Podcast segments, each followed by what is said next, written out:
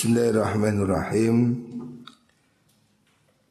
Allah afrahu bi taubati ta'ib Qala Rasulullah sallallahu alaihi wasallam Allah afrahu bi taubati ta'ib min adh-dham'anil warid. Allahu Gusti Allah iku afrahu luweh demen luweh bunga Bitaubati taibi kelawan taubate wong kang taubat. Minal ani timbang sangking wong kang ngelak. Al-waridi kang tumeka ing banyu. Orang haus ya, ngombe menikmat sangat. Minum bagi orang haus itu suatu yang luar biasa Orang haus mendapat minuman pasti senang. Dan Allah itu lebih senang. Artinya Allah sangat mencintai orang-orang yang mau bertaubat. Sebesar apa pun kesalahannya, sebesar apa pun dosanya, tidak ada dosa yang tidak diampuni oleh Gusti Allah selama dia mau bertaubat.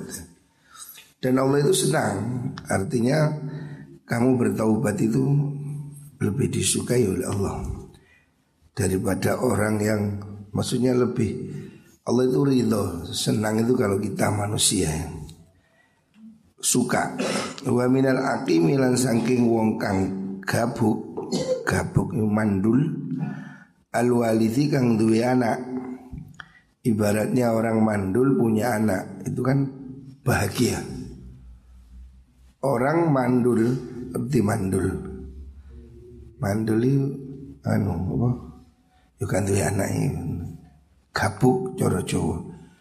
Orang mandul itu sedih. Saya punya teman mandul bukan mandul, tidak bisa punya anak sampai berapa puluh tahun. Itu di ini ke mana-mana itu pijat jamu ini itu macam-macam. Begitu punya anak dia senang sekali. Wa minadh-dhali sang saking wong kang kelangan al wajidi kang nemu nemu barangi nemu barang hilang orang seneng. Allah itu nemukan hambanya mau taubat itu seperti itu. Artinya sangat suka. Allah senang kalau kita mau taubat. Makanya jangan pernah merasa punya dosa yang terlalu besar sehingga tidak bisa diampuni oleh Gusti Allah. Semua dosa bisa diampuni. Jangan kamu merasa jauh dari rahmatnya Allah. Faman mangkau sapani wong iku taba taubat sopaman ilallahi maring Gusti Allah taubatan kelawan taubat nasuhan kang bagus siapa orang taubat yang benar yang serius ya Kemarin kan sudah diterangkan taubat nasuha. Taubat itu harus ada nyesal, ya, an-nadam. Taubat tidak menyesal ya berarti belum taubat. Yang kedua harus al-iqla, menghentikan. Yang namanya taubat ya jangan diteruskan taubat tapi pancet ya ini jadinya tomat, taubat kumat. jadi taubat itu harus ada penyesalan, kapok dan tidak dilakukan lagi dan juga harus apa? Tidak mau mengulangi lagi. Dia azam tidak mengulangi lagi. Kalau itu berhubungan dengan hak orang lain harus dikembalikan, harus dilunasi atau harus dimintai kerelaannya. Nah itu taubat yang benar. Siapa orang taubat ansa mongko ngelalekaken sinten Allahu Gusti Allah. Ngelalekaken hafadzatahu ing malaikat hafidhihi ing malaikat luru kang ngrekso ing wong. Maksudnya kan kita ini ada dua malaikat yang mencatat deh.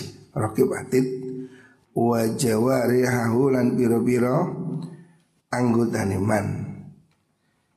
Wa al ardi lan piro-piro uh, tanah Biko itu apa itu? Tanah ing dalam bumi ula askabehani biqa khatayahu ing pira-pira kesalahane wong wa dzunubahu lan pira-pira dosane wong. Orang berbuat dosa itu kan dicatat oleh malaikat. Jadi kita ini setiap hari dimonitor oleh Gusti Allah Dengan dua malaikat yang ada samping kanan kiri Siapa orang taubat maka disetipu. Oh, Disetipu, dihapus. Catatan-catatannya itu dihilangkan oleh Allah. Begitu juga tempat-tempat dia berbuat dosa itu kan mencatat semuanya. Jadi semuanya dihilangkan oleh Allah. Sehingga nanti ketika di pengadilan Datanya sudah tidak ada. Datanya sudah disetipu Dihapus Semuanya bisa ya Orang dosa seperti apa pun Tidak ada dosa yang tidak bisa diampuni oleh Gusti Allah Justru kalau ada orang merasa dosa saya terlalu besar Gusti Allah nggak bisa ngampuni itu dia telah melecehkan, merendahkan Allah. Dia itu dosa, dosa besar. Karena Allah itu maha pengampun, ghafurur rahim. Tidak ada satupun dosa yang tidak bisa diampuni oleh Gusti Allah. Asal sungguh-sungguh. Jadi manusia jangan terbelenggu oleh masa lalunya. Jadi masa lalu itu sudah lewat segelap apa pun masa lalu, masa depanmu masih terang. Jangan terbelenggu masa lalu. Walaupun dulu kamu melakukan kejahatan, kejelekan, hentikan sudah. Putar balik. Sejauh apa pun kamu salah melangkah, putar balik. Eh, putar balik, kembalilah ke jalan yang benar.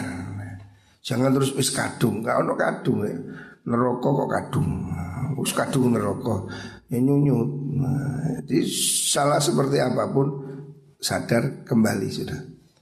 Jadi sejauh apa pun kamu melangkah di jalan yang salah, hentikan, putar balik. Ya. Tidak ada yang terlambat. Semua orang masih punya kesempatan. Apalagi cuma kita ya, ya mungkin dosanya apa sih? Orang yang dosanya gede-gede, membunuh, berzina, macam-macam itu semua diampuni oleh Allah. Apalagi dosa yang lain. Tapi jangan meremehkan dosa. Ojo aku mek ngene, jangan boleh. Kita ini walaupun kecil-kecil tapi akeh, ya berdoa Dan jangan melihat besar kecilnya dosa. Tetapi kepada siapa kita berbuat dosa itu loh. Walaupun kecil tapi kan kepada Allah. Sama dengan kamu memaki kalau pada temanmu ya nggak apa-apa. Ndasmu ya nggak apa-apa.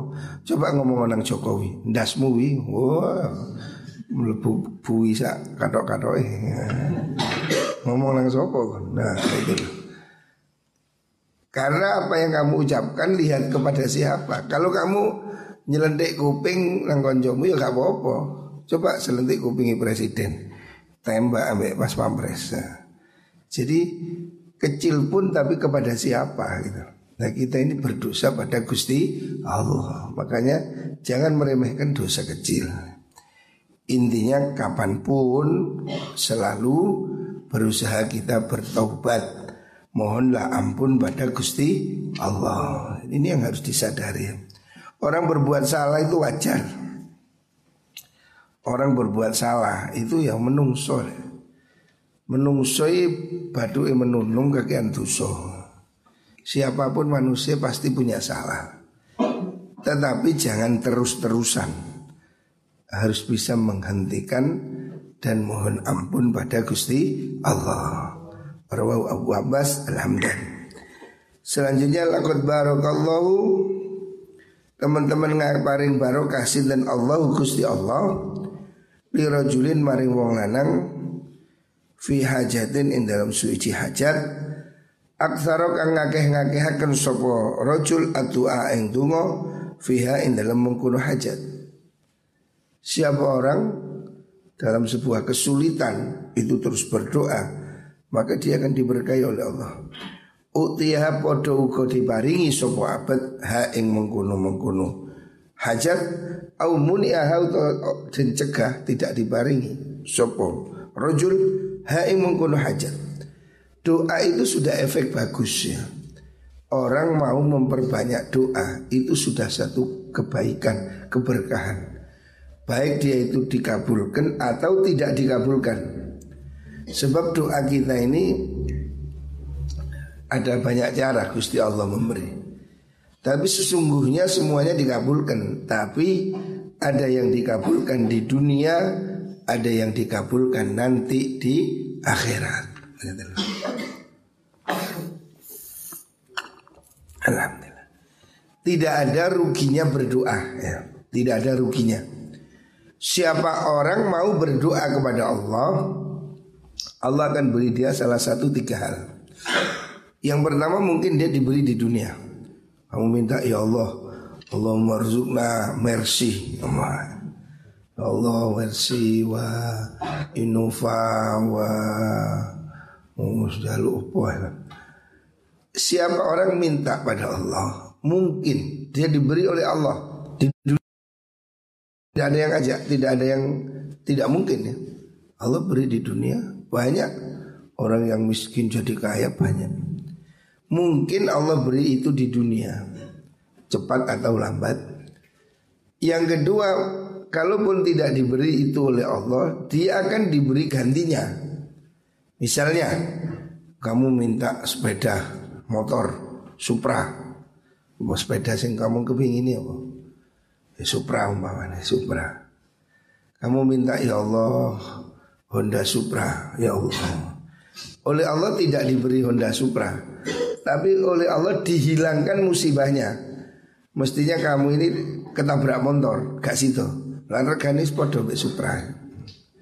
Mestinya kau tiga sepeda cuklek sikilmu.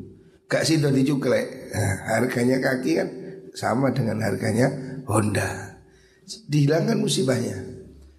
Orang ini mungkin tidak diberi mobil Tapi rumahnya tidak terbakar Mesti ini skenario Gusti Allah rumahnya terbakar. Gak situ Karena lagi ahli dungo Musibahnya dihilangkan. Itu kan sudah sama aja. Atau kalau tidak Yang terakhir Allah akan beri dia pahala yang besar. Sehingga nanti di akhirat Orang-orang yang dungoni mandi Itu getun Melihat besarnya pahala itu. Sehingga mereka mengatakan ya Allah kenapa dulu saya diberi di dunia Di akhirat ternyata pahalanya jauh lebih besar Jadi tidak ada ruginya berdoa ya Jangan kamu terus kecewa aku sendungo kok gak dikai Allah pasti memberi kok Pasti Allah sudah menjamin Udu'uni astajib lagu Allah sudah menjamin pasti diberi Cuma bentuknya apa terserah Gusti Allah. Bentuknya apa? Terserah Allah. Karena Allah yang lebih tahu. Ada anak kecil minta rujak lombok 10. Tidak dikasih. Ceret ibu. Ibunya memberi yang lain. Apa? Ke permen. Dijoli. Dijoli tulinan. Nangis. Dijoli apa? Diberi yang lebih baik. Bukan karena tidak sayang. Justru karena sayang. Anak saya yang kecil ini sekarang minta mobil-mobilan yang bisa jalan sendiri. Tidak saya belikan. Karena apa beti aku mulai ini terus melakukan itu terus tabrak motor. Ya apa? Maka saya ya tidak saya beri itu karena saya sayang. Saya beri dalam bentuk lain. Karena kalau saya beri, wah, motor sing isun baterai ini loh, bisa melaku suruh, tidak melakukan itu loh. Terus mudun menisor Rum nang embong Wah naudzubillah tabrakan Bahaya kan? Anak kecil minta sepeda motor. Ya tidak dikasih. Bukan bapaknya tidak mau memberi. Tapi itu berbahaya bagi dia. Gitu. SD itu sepeda motor. Lalu tabrakan. Jadi tidak diberinya itu karena kasih sayang.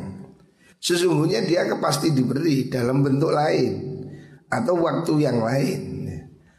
Allah itu menjamin akan memberi. Pasti. Allah sudah jamin kok. Udhoni astajib. Uji budak wadat dai. Allah sudah menjamin pasti diberi. Cuma kapan waktunya terserah Gusti Allah. Bisa jadi nggak sekarang, nanti atau kapan.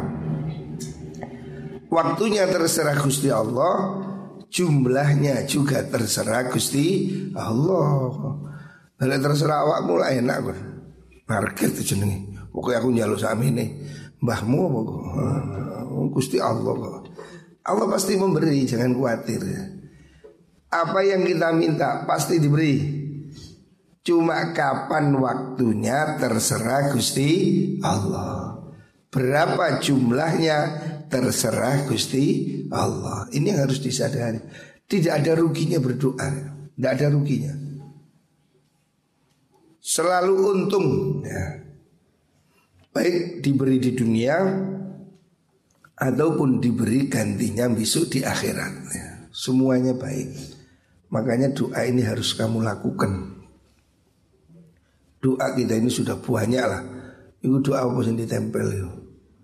Itu doa apa itu? Itu sih tempel-tempel tembok. Hah? Nah, itu doa-doa itu ya doa. Lah perlu ngono ya, ngono pasang ngono doa-doa tempel ngono tembok-tembok. Jadi kon menang-menang kayak tok ndonga. Enggak apa-apa. Doa itu semakin banyak semakin baik. Tetapi yang lebih bagus kalau kamu itu istiqomah ya. Doa itu yang istiqomah Wirid yang istiqomah Baca Quran ya. Salah satu bacaan terbaik ya Al-Quran itu Baca Quran yang rutin Terus ya Setiap hari Usahakan baca Quran. Terus berdoa. Kita kan habis maghrib itu Sama-sama baca Yasin. Terus berdoa. Baca surat waqiah, berdoa. Jangan khawatir. Kalau mau coba waqiah kok gak suki-suki. Waqiah duduk toyol Mbok kira toyol mau coba waqiah terus orang duit duduk-duduk itu. Ngawur gitu. Waqiah ini sanes toyol dul. Waqiah ini adalah lantaran kita. Jadi niatnya sing bener. Mau coba waqiah niatnya mau coba Quran. Lah dengan berkahnya surat waqiah kita mohon pada Allah Ya Allah dengan berkahnya surat waqiah kita mohon diberi kemudahan rezeki Ojo khawatir Gusti Allah sing maringi Gusti Allah suki Saya sejak dulu yakin Saya mau nggak kupuh jadi pegawai negeri Saya nggak kupuh nyambut kain pabrik Enggak saya sudah yakin Allah yang maha memberi rizki Ayah saya dulu dah sejak kecil ngajarkan begitu. Sing nyuwek cangkem ngekei mangan. Sopo sing nyuwek cangkem? Sing ngekei cangkem sapa? Gusti Allah, gak mungkin Gusti Allah gak tanggung jawab. Wong kuat tuku PT ya kuat tuku jagung. Kuat tuku kucing ya kuat makane. Masa Gusti Allah gak iso. Pasti bisa. Kiri itu kayak makan pangeran. Masa ono kiri kelaparan. Kita ini Jangan kecil hati Yang benar bersandar kepada Allah Tidak mungkin Allah itu menelantarkan kita Tidak mungkin Pasti Tapi kita ini yang kurang mendekat Makanya kalau ada kesusahan Kesulitan Itu adalah cara kamu untuk lebih mendekat pada Gusti Allah. Ya seperti hari ini Musim pandemi ini. Tidak ada yang bisa menghentikan ini. Sekapan Donald Trump aja kena COVID. Presiden. Tidak ada yang bisa lari. Yang bisa menyelamatkan hanya Gusti Allah. Makanya takkan dari musim pandemi cuk keluyuran. Sekep pondok, ngaji, dungo, wirid Semua itu kebaikannya Kita berdoa itu tidak ada jeleknya Api tok Berkah ya Gelem dungo itu sapi Gelem wirid itu sapi kenal. Ojo kon ngenyek ku wiridan tok ya pancet. Ojo ngenyek. Wirid gelem wirid itu berarti dia sudah dapat hidayah dari Gusti Allah. Nah kalau hidayah gak gelem wirid. Jadi kamu mau berdoa itu sudah nikmat ya. Itu ibadah. Dikabulkan atau tidak dikabulkan, diberi atau tidak diberi itu urusan Gusti Allah. Tapi yang penting kita sudah berdoa ya. Rajin berdoa, rajin berzikir. Jangan merasa sia-sia. Itu berkah. Doa itu mukhul ibadah. Doa mukhul ibadah. Doa itu penghambaan. Ibadah yang sesungguhnya. Makanya menang-menang tuh, oh ya Allah, zikir ya Allah, mintalah ya Allah. Tidak ada yang bisa menolong kita kecuali Gusti Allah. Rawahul Rawahul Khatib Anjabir. Selanjutnya Rasulullah Shallallahu Alaihi Wasallam bersabda, "Likul syai'in hasadun." Sing ngantuk bukan kuping. Kuping. Ngaji kok ngantuk kuping. Likul syai'in iku kedua saben-saben suwiji. Iku kuping iku. Ini serbanan itu Kuping ngantuk. Likul syai'in iku kedua saben-saben suwiji hasodun utawi waktune panen. Segala sesuatu ini ada waktunya berhenti panen. Wahasodu ummati utawi paneni umat ingsun iku ma perkara maksudnya usia bena sitina antarane suwita ila sab'ina maring pitung puluh. Ya segala sesuatu itu pasti ada akhirnya. Panen panen itu maksudnya dibabat entek. Lah manusia umat Muhammad Shallallahu Alaihi Wasallam ini rata-rata umurnya 60 sampai 70 tapi ini bukan patokan Ya sing mati umur 15 mati umur selawe ya terus aja awak muru mongso awak sih 15 rek si karek tang limo jangan begitu mati itu rahasianya Gusti Allah. Kayak kalau poin orang sing sik beluluk wis rutuh. Bayi mati ono. Ono sing tegan. Ono sing klopo tuwek. Ono sing gak gak rutu-rutu sang. Gak rutu-rutu tuwek gak rutu-rutu. Ya wong ngono, ono mati sing nom, ono sing tuwek gak mate-mate, ono. Itu rahasianya Gusti Allah. Tetapi rata-rata umat ini 60 sampai 70. Kanjeng Nabi sendiri kan 62.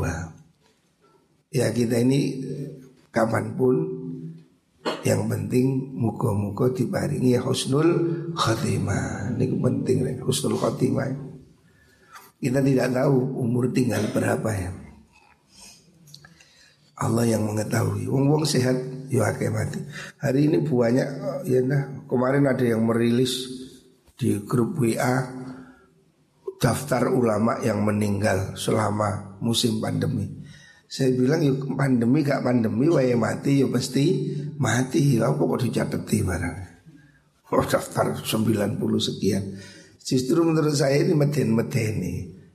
Wong mati niku takdiri Gusti Allah sebelum lahir manusia ini sudah ditetapkan empat hal. Berapa umurnya, apa rezekinya, apa itu dia sakiyun am said, jadi orang yang apa berbahagia atau celaka. Sudah ada takdirnya. Dan kalau kematian datang La yastaktimuna sa'atan wala yastakhirun Tidak ada maju, tidak ada mundur Kopat, kopit, gak kopit ya mati Makanya ya saya meyakini takdir ya Mati itu takdir Jangan karena kopi enggak. Masih karena kopi tuh ya mati ya mati. Ojo dianggap kopi itu terus membunuh. Tidak. Yang mematikan itu malaikat Israel. Kalau turun waya mati masih kopi juga kira mati. Ini harus dijaga ini iman ini. Jangan kamu beriman pada kopi. Covid ini makhluknya Gusti Allah. Oh, Covid membunuhmu enggak. Sing membunuhmu itu ya Gusti Allah itu mateni kon wae takdiri. Tunggali rokok membunuhmu.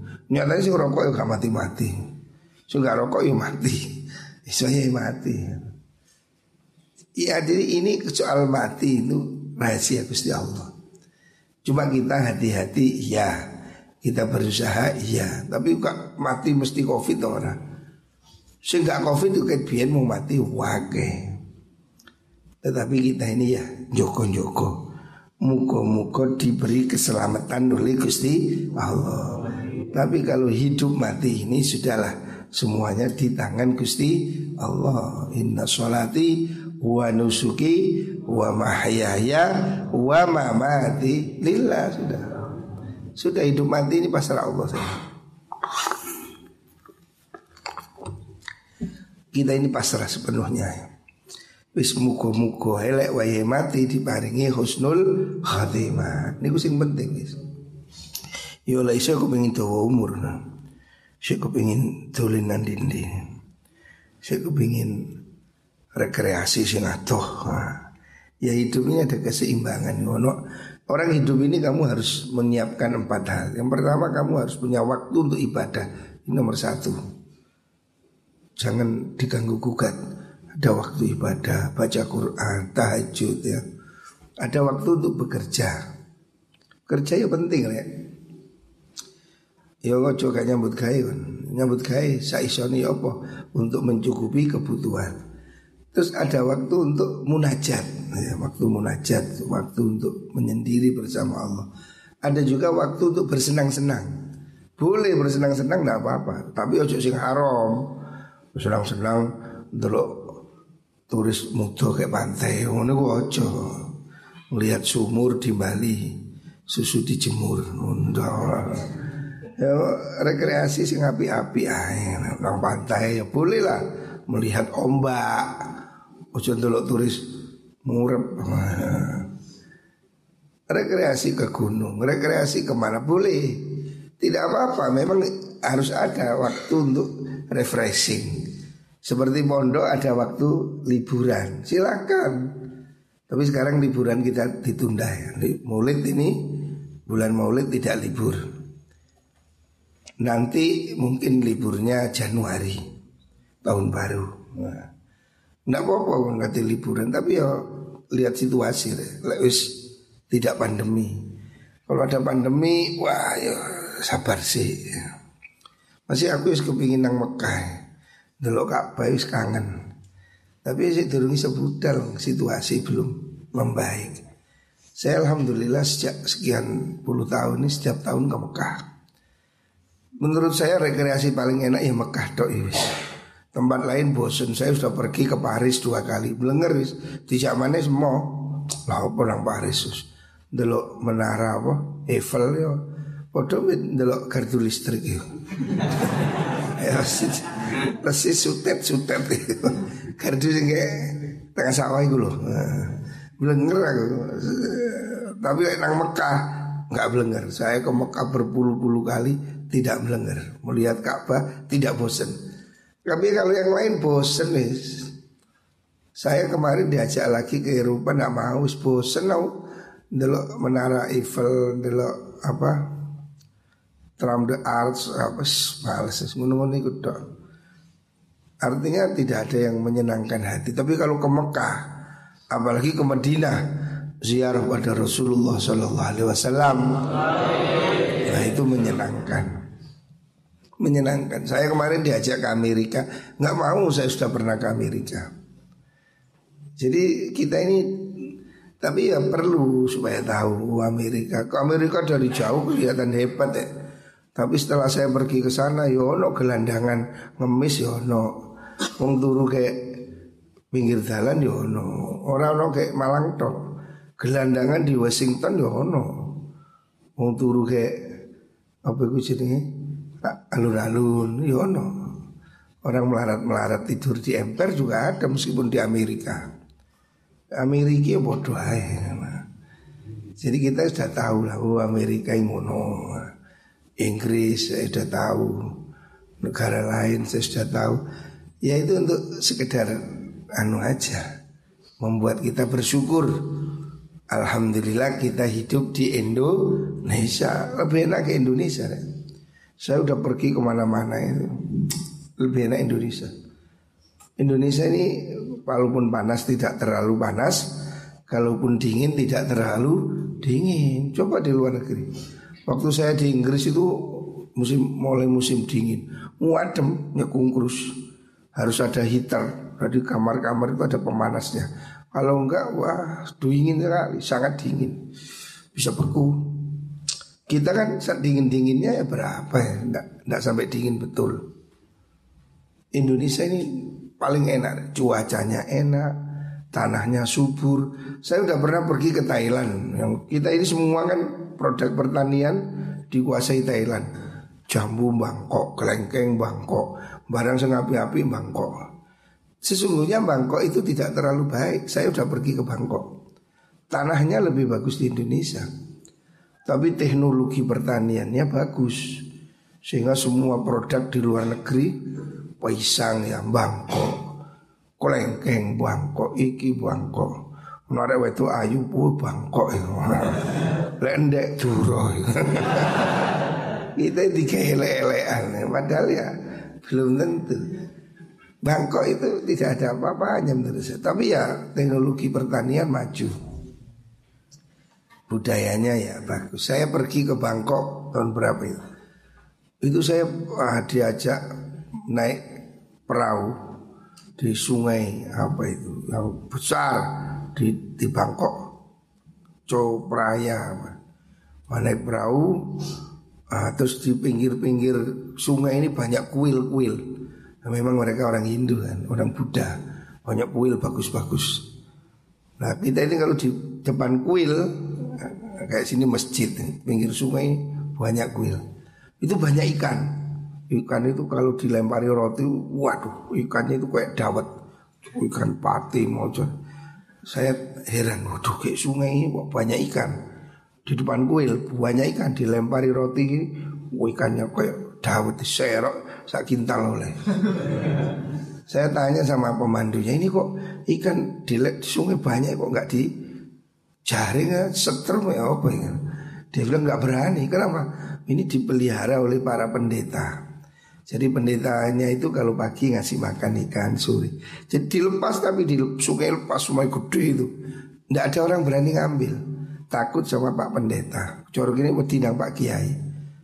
Tak pikir kok enak ya Ke Indonesia sandal hilang, mic hilang Oh iya Kayak gue lo lele gak hilang Iwak kayak kali lo gak hilang Kayak gini Waduh bahaya gitu Karo kiai karo sopo ya? Dimbat. Jadi orang Bangkok itu Tak pikir-pikir mau tidak kiai orang Bangkok. Jadi karena itu miliknya kuil, nggak ada orang berani ambil. Padahal itu saya lihat tuh kasih kan yang ngelempar roti. Waduh itu diserok sekitar kilo oleh. Bukan kuat gede. Ikan di sungai itu bukan di kolam di sungai. Kita lempar ikan di sungai buahnya tidak ada orang berani ngambil. Coba ke Indonesia bengi-bengi. Di Jolo minimal dipancing. Mereka tidak ada tidak tak mereka takut. Takut. Lu itu lu. Orang lain punya budaya begitu. Lagi tak pikir oh ke Indonesia gua ya halas amblas. Dicolo di sana Oh masjid speaker iso hilang Sandal hilang Makanya masjid dikunci. Masjid kota-kota kan Sembayang kunci. Masjid yang buka 24 jam ya kayak pondok ini. Awan bengi buka. Cukup mana-mana tempat masjid itu dikunci. Sehingga kita kalau sholat nang pom bensin. Kira-kira susi sing di pom bensin di ganjaran itu gede timbang masjid. Lah masjid itu dikunci terus Tulan masjid jame, masjid di Mari mau isya dikunci, gembok Sembahyang kata sembahyang Bahkan musim pandemi ini ada masjid yang nggak buka sama sekali Gak Jumatan, gak jamaah Tidurlah bisa oh, masjid kok tutup. Yang lebih loman ini pom bensin. Itu sembahyang pom bensin. Semua pom bensin sekarang ada musola. Masjid kuncian. Ini ganjaran ini masjid ngali dan pom bensin. Kita ini harus ini budaya jujur ini penting. Di luar negeri ini orang maju karena mereka jujur. Saya pergi ke Inggris itu orang naik kereta tidak ada kondektur sudah orang otomatis beli karcis naik. Walaupun dia bisa aja nggak beli karcis, tapi orang nggak berani. Budaya malu. Naik bis tidak ada kondektur, pokoknya naik masukkan koin. Saya di London tak coba tak isi koin Indonesia, yo melaku yo gak apa-apa. Padahal koin kita kan murah satu seripis. Koin mereka kan you apa namanya pound sterling. Ya nyoba aku numpak bis, tak isi duit kelitik Indonesia. Ya gak apa-apa ya kelitik ya. Mungkin waktu itu kondekturin guyul loh, Indonesia. Tapi mereka itu tidak curiga ya biasa kelitik tak jajal. Jadi naik ke bis juga ada ada tempat koin. Ya bisa lebok no koin, tak lebok ini koin Indonesia satu seribu klutik, ya gak apa-apa. Lepas tadi uang uang jujur kabeh. Dia kali padahal ya kena. Kereta-kereta itu tidak ada kondektur. Saya pergi dari Leicester ke Newcastle naik kereta kelas ekonomi. Sebelah gerbong eksekutif kosong. Pindah aku nang gerbong eksekutif kosong. Gua aku lek diperiksa ya pura-pura bodoh, sorry turis. Ya sampai tutup ya kan mau negor. Lu jen wongi jujur kabeh. Kosong padahal. Coba ke Indonesia. Kondektur gak ono. Wah, wong ono kondektur disogok. Ono kan kondektur bangkrut temenan. Wassalam ya. Jadi jujur ini kunci kemajuan. Negara-negara lain itu budaya jujur lebih bagus. Kita kehilangan barang di Singapura, tidak ada orang berani ambil, di, dikembalikan. Lagi gini, dicopet, sampai hilang dicopet. Makanya ini yang harus kita bangun. Mental jujur ini pentingnya. Muka-muka kita semua jadi orang yang jujur.